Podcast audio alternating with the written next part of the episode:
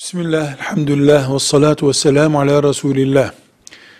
Cemaatin önemini konuşmamıza gerek yok. Camide cemaatle namaz kılmak, ümmeti Muhammed'in karakteristik farklılıklarındandır. Ümmeti Muhammed'in birbiri hakkında hüsnü şehadette bulunacağı işaretlerdendir. Allahu Teala'nın namazlarımızı camide görmek istediğine dair bir şüphemiz yoktur.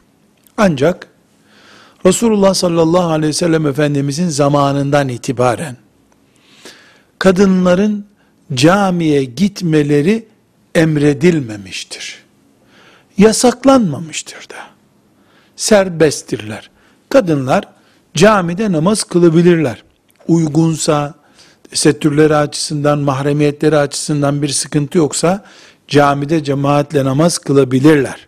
Camide uygunsa.